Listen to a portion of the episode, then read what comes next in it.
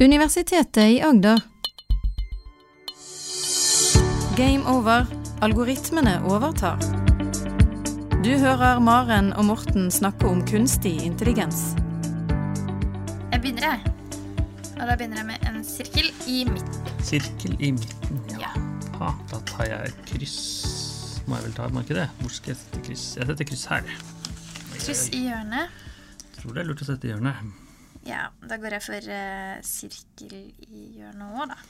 Et annet hjørne. Da ser jeg at du får tre på rad her. Da må jeg sette kryss der. Ok, Da tar jeg sirkel mellom Nei. dine kryss. Oi, ok, da. Og, Nei, nei, nei, nei, nei. Nå kan jeg ikke se at noen av oss egentlig har sjanse til å vinne. Nei, det spørs det, vet du. Da setter jeg kryss der. Kryss, og så siste runding. Nei, nei, det, Det ble uavgjort, det. Ja. På tripp-trapp-tresko, men jeg er veldig fornøyd med uavgjort på tripp-trapp-tresko mot deg. ja. Tror det er tripp trapp er noe- Siden du er fornøyd, mener jeg. Uavgjort. Du er fornøyd med uavgjort? Jeg er veldig fornøyd med uavgjort. Jeg Ja. tenker at du er jo så eh, smart på alt. Ja, ja. Så hvis, eh, hvis jeg er på likt det, nivå som deg, så er jeg veldig fornøyd. Da hadde en kjempefordel, da. jeg, ja, At du begynte. ja, Så det er en veldig fordel i tripp trapp Tresco. det er en fordel. Men den fordelen tror jeg trengte. Ja, nei, jeg vet ikke. Og dette er jo Ja, det er jo et spill med ni steder man kan legge ting på. Har du, spiller du mye tripp trapp tresko? Mhm. Ikke mye tripp-trapp-tresko. Det er et spill som Ja, det hører til barndommen, kanskje. Man Ja, litt lei av spilte det. litt som barn. Ja. Ja. Det er jo i utgangspunktet et ganske sånn enkelt spill. Som du sier, det er ni ruter å legge noe i. Eller tegne sirkel eller kryss. ja. Det, det er helt riktig, ni muligheter. Og når du legger ut, eller tegner sirkel, Mm. så får jeg åtte muligheter Ja. hvor jeg kan legge ting på. Ja. Og når jeg har lagt ut et kryss, Mm. så har du syv muligheter, osv., osv., osv. Og helt- det er jo helt enig, det er jo et kjempeenkelt spill. Mm. Eh, Så man orker jo ikke å spille det mer enn to-tre ganger før man er Litt lei. litt lei. Ja. Ja. Og det finnes, det finnes flere måter å løse det, på fra algoritmeverden. Ja, for algoritmen kan spille dette. Ja, ja, det kan de spille ut, og de kan gruse alle. Så en perfekt algoritme vil jo alltid vinne eller spille uavgjort. Ja. Og hvis du da spiller to algoritmer mot hverandre, så vil jo det alltid være sånn at eh, hvis de spiller veldig bra, så vil det alltid bli uavgjort. da. Så hvis man er gode nok til å spille tripp-trapp-tresko, så blir det uavgjort, fordi man ser jo strategien. Mm.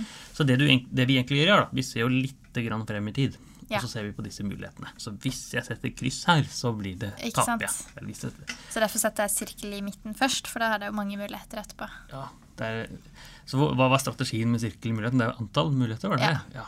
Jeg, jeg tror det er, Ikke at jeg kan den perfekte algoritmen, men jeg tror det er et ganske lurt Så hvis det hadde vært en algoritme, så hadde jeg fått masse poeng.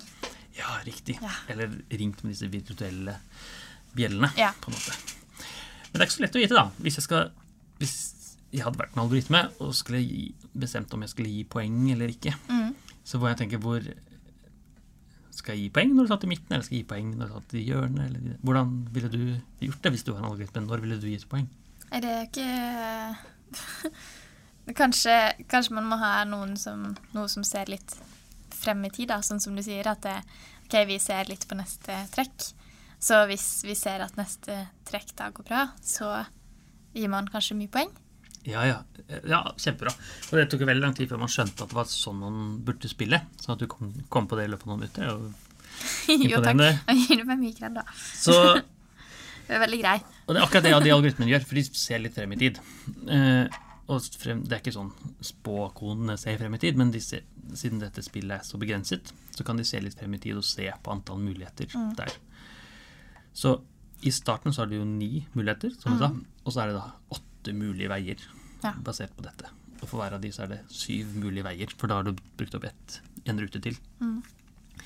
Så én måte å visualisere det på, som man gjør i dataverden ofte, det er å se på dette som et tre. Et opp-ned-juletre, om du vil. Ja. Hvor det er mange enkelt. greiner øverst, og så Ja, blir det færre og færre. helt riktig.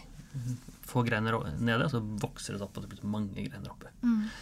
For du, hadde, du, satt, du sa at du hadde ni muligheter, og for hver av de ni mulighetene, Mm. så er det jo, hadde jeg åtte muligheter. Ja. Så det er ikke sånn at jeg jeg har bare åtte muligheter, er, jeg må tenke Ja, Hvis det er sant. der, det er litt der, flere enn det man der. tenker. Ja. Ja. så egentlig er det litt flere, da. Ja. Så hvis man da ser to trekk, du har, jeg har, du har satt et trekk, og jeg har satt et trekk, så vil det da være 72, for det er 9 ganger 8. Mm. 72 muligheter. Der. Og for hver av disse igjen så er det jo syv, osv., osv., osv.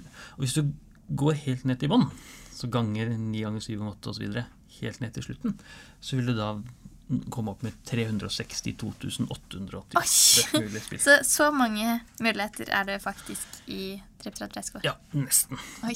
For det du kan trekke litt fra. For det er de fleste Man kan si at Tripp Trapp Tre skal være litt kjedelig, men Mm. hvis man da har vunnet, eventuelt tapt, så gidder man ikke å spille lenger da.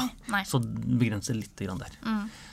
Men, egentlig kunne vi slutta å spille når jeg sa at oi, nå ser det ut som det blir uavgjort. ja, Ja. Men da må du vite At det du helt ser at sikkert blir det. Ja. blir uavgjort. Ja. Ja. Uh, og den eneste måten å være helt sikker på det på, er å Mm. vite alle de strekkene. Ja. Hvis du har, hvis du allerede har tre på rad, da, så Ja. du at da vet jeg at det fins ikke noe bedre enn dette. Nei, allerede gjort det bra nok. Mm. Eller gjort det veldig dårlig. Og disse se inn i fremtiden, det er jo egentlig at man går oppover dette treet. Mm. Uh, Oppover, da. Uh, Og en forsterkningslæringsalgoritme, en symbiosealgoritme som vi snakket mye om i forrige episode, Mm. kan brukes til å spille Tripp Trapp Tresko, eller, eller mange andre spill også. Og, og da er det jo to algoritmer som er litt i symbiose med hverandre. Ja. Så den ene algoritmen kan være at den bestemmer bare hvor du skal legge ting på. Hvor er det lurt og dårlig å legge ting på. Og den andre algoritmen er jo da miljøet. Altså miljøet er her brettspillet, brettet. Og da er det lurt å gi belønning noen ganger, og ikke lurt å gi andre ganger. Så den gir på en måte belønning til den andre? Ja. Den ene algoritmen prøver å legge ut et trekk, og den andre sier da nå skal jeg gi belønning til den første igjen. Ja. Og de spiller da i symbiose med hverandre. Og, og da er det jo sånn at uh, den algoritmen som skal bestemme om man gir belønning eller ikke, den må være den må vite om det er lurt å gi. Den kan Ja. ikke bare gi litt tilfeldig ja, det syns jeg var godt. Eller. Mm. Og den beste måten er å da se helt ned til bunnen av treet på. Ja, se hele spillet. Se hele spillet, og da må du jo i verste tilfelle se 360 000 muligheter av ja, gangen. Ja. Og hvis du legger i midten, da, og så legger jeg kryss der, og så legger du en sirkel der, og så videre, så vil du ha noen muligheter. Og det denne miljøalgoritmen egentlig gjør, da, det er å legge ut tilfeldig mange ganger. Og gå ned alle disse greiene mange, mange ganger. Mm. Ja. Og så sier den hvis det var sånn at du vant i 90% av det, Mm. så får du et høyt tall. Men hvis du vant i 10% av disse gangene, så får du et lavt tall. Ok, Så den ser liksom for seg åssen spillet kommer til å være før det er spilt? Ja. Og for å se for seg hvordan det kommer til å være, Ja. så gjør den det tilfeldig. må jobbe veldig kjapt, da. Ja, ja. Så, så 300 000 er jo mye. Mm. Hvis du skulle gjort det som et menneske, ville du brukt en helg kanskje, bare for å regne det. Ja. Kanskje mer enn det òg. En, en datamaskin gjør det på noen mikrosekunder. Ja. Men allikevel, kompleksiteten er der. Mm. Kjempekomplekst spill, egentlig. Men du har jo sagt tidligere at algoritmer vil egentlig ikke gjøre noen ting. Hvis man kan bruke ordet 'vil'. Ja, ja, ja. og vilje med algoritmer hvis den ikke får poeng. Så den som gir poeng, får den også poeng hvis den gir poeng riktig? Nei, sånn som algoritmen er nå, så gjør den ikke det. Nei. For da er det bestemt på. Ok, Så den er bare programmert til å gjøre det på riktig måte? Den ikke Den lærer egentlig ikke underveis? Eh, Ja, veldig godt poeng. Så etter hvert så kommer det til noen sånne algoritmer også. Okay. Eh, som, som hvor den, det er læring der også. Ja. Så her er det jo den som velger trekkene, Mm. eh, er en kunstig intelligensalgoritme som lærer basert på noe nevrale nett eller noen av disse teknikkene vi har snakket om. Og sånn. Og den andre er egentlig bare programmert, som sier at det, det er okay. lurt å gi massebelønning nå, og det er ikke lurt å gi massebelønning nå. Så egentlig er det en av disse som er kunstig intelligens? Ja, ja. Sånn ut ifra det Sånn som du har definert det tidligere? Ja, det veldig godt poeng. Det er akkurat det der. Ja. Og så tenker jeg, ok, så Men vi vet jo, de fleste har sikkert fått med seg at eh, datamaskiner er veldig flinke til å spille. Mm. Tresko. Eller spill som sjakk eller go. Eller Ja, for sjakk er jo ganske mye mer avansert. Ja, det er mer avansert. Eh, og i begynnelsen så hadde du ni muligheter for, uh, for uh, tripp trapp tresko. I sjakk så er det sånn at hvis første trekket, så kan du spille alle bøndene dine. Mm. Og det er åtte. Og de kan enten flytte én eller to. Mm. Så da har du 16. Ja. Og så kan du i tillegg flytte det som heter springer. Den, Ja. den som ser ut som hest. Så da er du oppe i 18 muligheter ja, ikke sant. der. Første. Og i sjakk så teller man egentlig ikke trekk per person, man teller når hvit har spilt og svart har spilt. Så okay. både hvit og svart. Ja. Så ett trekk i sjakk, da, hvis vi spiller sjakk, er at det første jeg spiller, og så spiller du. Og så er det da. Og da er det jo egentlig 18 ganger 18 Ja, muligheter, som er 324. Skal være forsiktig med å si for mange tall her, men det viser at i Triplatesco Tesco så var det ni muligheter i begynnelsen. Mm. Her er det 324. Ja, det er jo eh, Ganske mye mer. Og Triplatesco er også veldig enkelt, for du kan ikke flytte på brikkene. Du kan ikke ta bort en kryss, f.eks. Men i sjakk så kan du jo gjøre det. Men du kan Jeg har spilt tripp trapp tresko med det òg. Eh, men da er jo det definert på forhånd. Da blir det jo et litt annet spill. Hvor vi da bruker steiner og pinner, f.eks. Ja. Det gjorde vi ofte når vi var små. Ja. Og da kan du få flytte på dem, så da kan du fortsette å spille lengre, da. Et spill vil jo vare ganske mye lengre. Ja, du blir ikke litt lei, da, når du flytter litt tilbake? det blir man jo. Ja.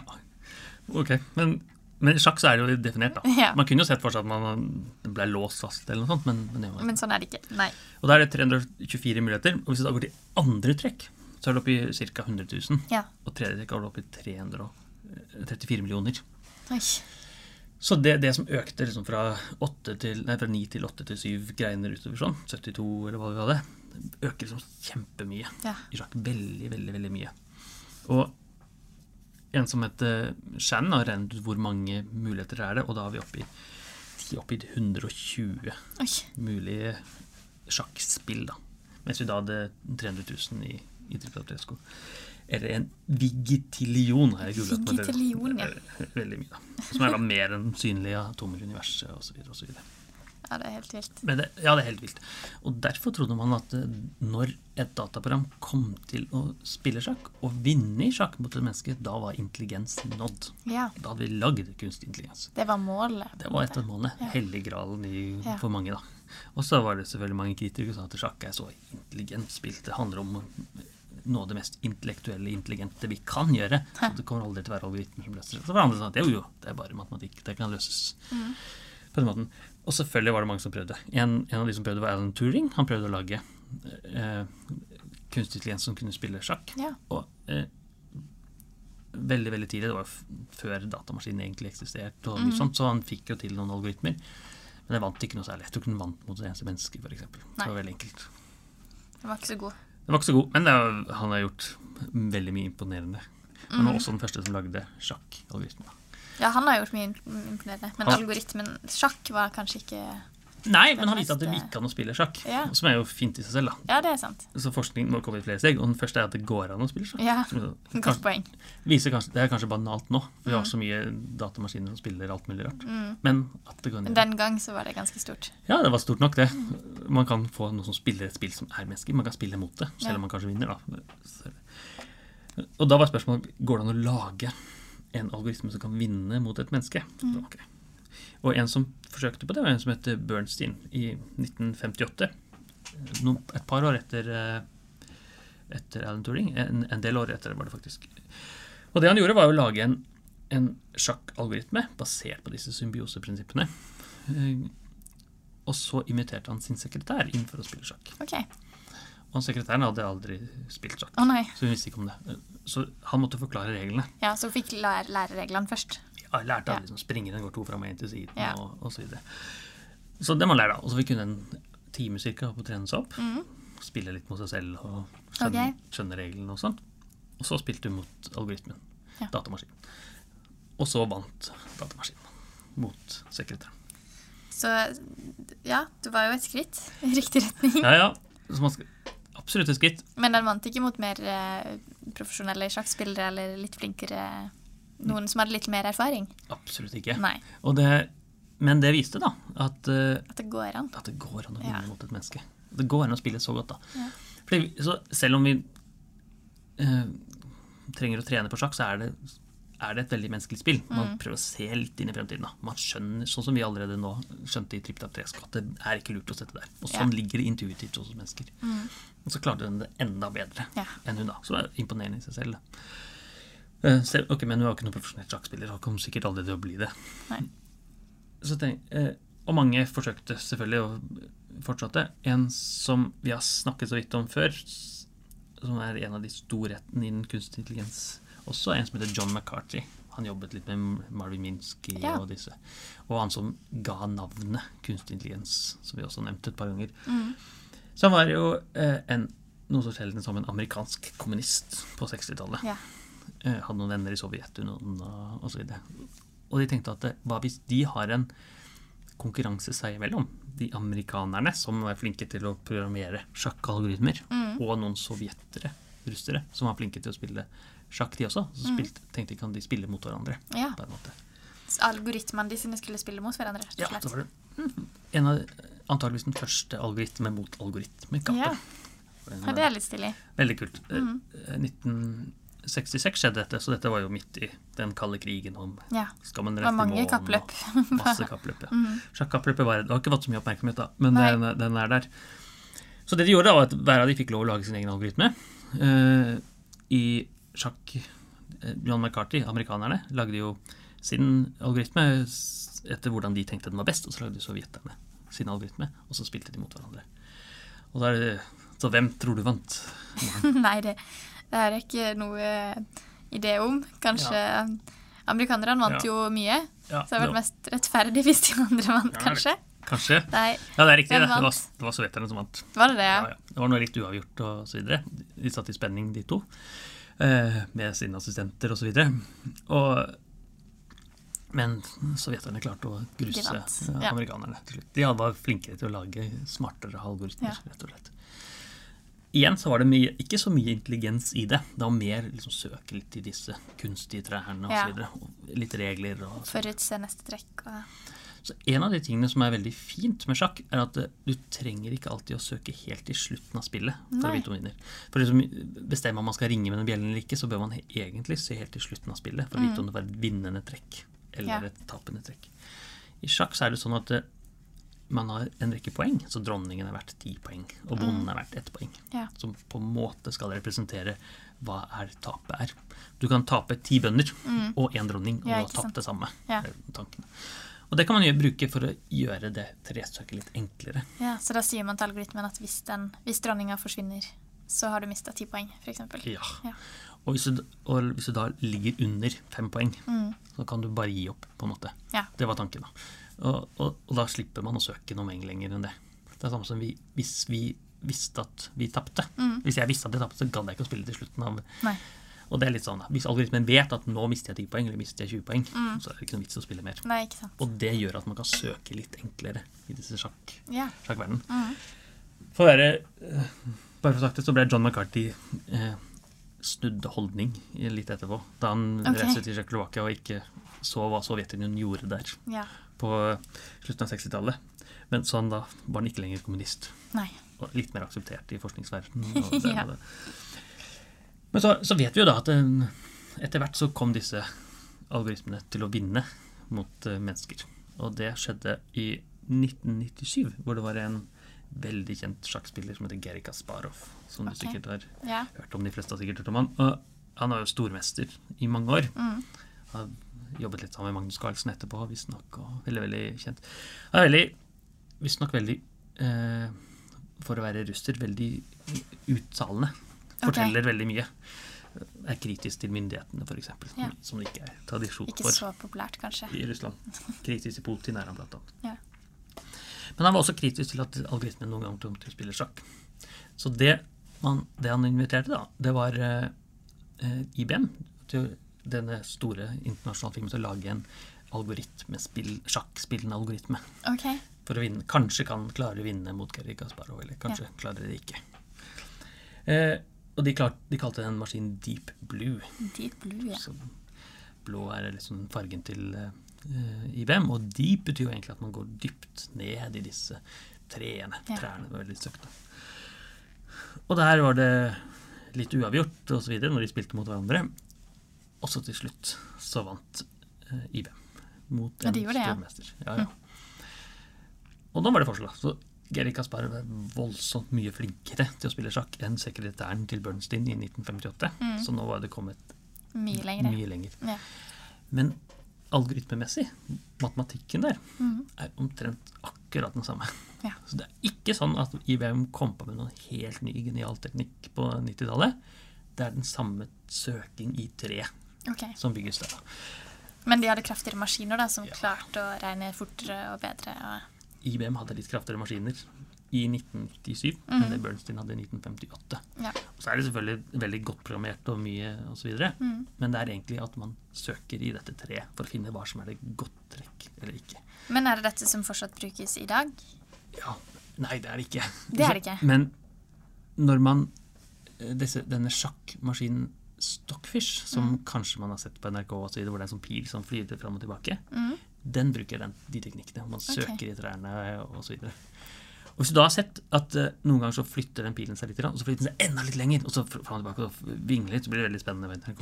Ja. Men det som egentlig skjer da, er at den søker litt mer eller mindre i det treet. Okay. Den, den liksom Den går søker, litt dypere i litt treet, en dypere. Hele tiden står den og søker, da. Og så ah, nå fant jeg liksom en grein som var kjempelur. Ja. Eh, Så Stockfish fungerer veldig bra, og den gruser alle stormestere. Ja. Men det er ikke den teknikken som er den beste teknikken. OK. Og den beste teknikken er basert på nevralnett og dyp læring. Ja. Men den var først brukt for å spille et annet spill som heter Go. Som er veldig mye mer avansert. Har du spilt Go? Ikke spilt Go, Nei. men det er et Ja, kinesisk det er- det er spill, er det det? spill, Ja. ja. Det er et kinesisk spill. Og det er jo mye eldre enn sjakk. ja. Mye enklere enn sjakk. Men også mye vanskeligere enn sjakk. OK, så enklere og vanskeligere. Ja, Det kan du også si. Det er enklere i den forbindelsen at den har færre brikker. Ja. er bare svart og hvitt. OK. Du har en stein. Det er litt som trippel fresko. Ja. Det er, som bare, det er to, to ting. Ja. Uh, men i sjakk så har du masse sånn forskjellige brikker, og de kan gjøre forskjellige ting. Og en Go-spiller sier at sjakk er bare rotete. Oh, ja. Masse forskjellig rart du kan gjøre. For det er bare to ting. Men, det, men prinsippet er også at det er veldig enkelt. Du, kan, du trenger bare steiner Mm. og et brett. Fint. Og det er brukt helt fram til eh, 500 år før Kristus, tror jeg det første Ja. Go-spillet er funnet. Så mens sjakk, slik vi kjenner, kom jo en gang på middelalderen, Mm. stort sett. Og så har det endret seg litt over tid.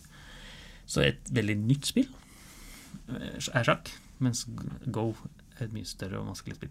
Så da eh, Gary Casparo tapte mot eh, Deep Blue, IBM sin sjakkmaskin, Mm.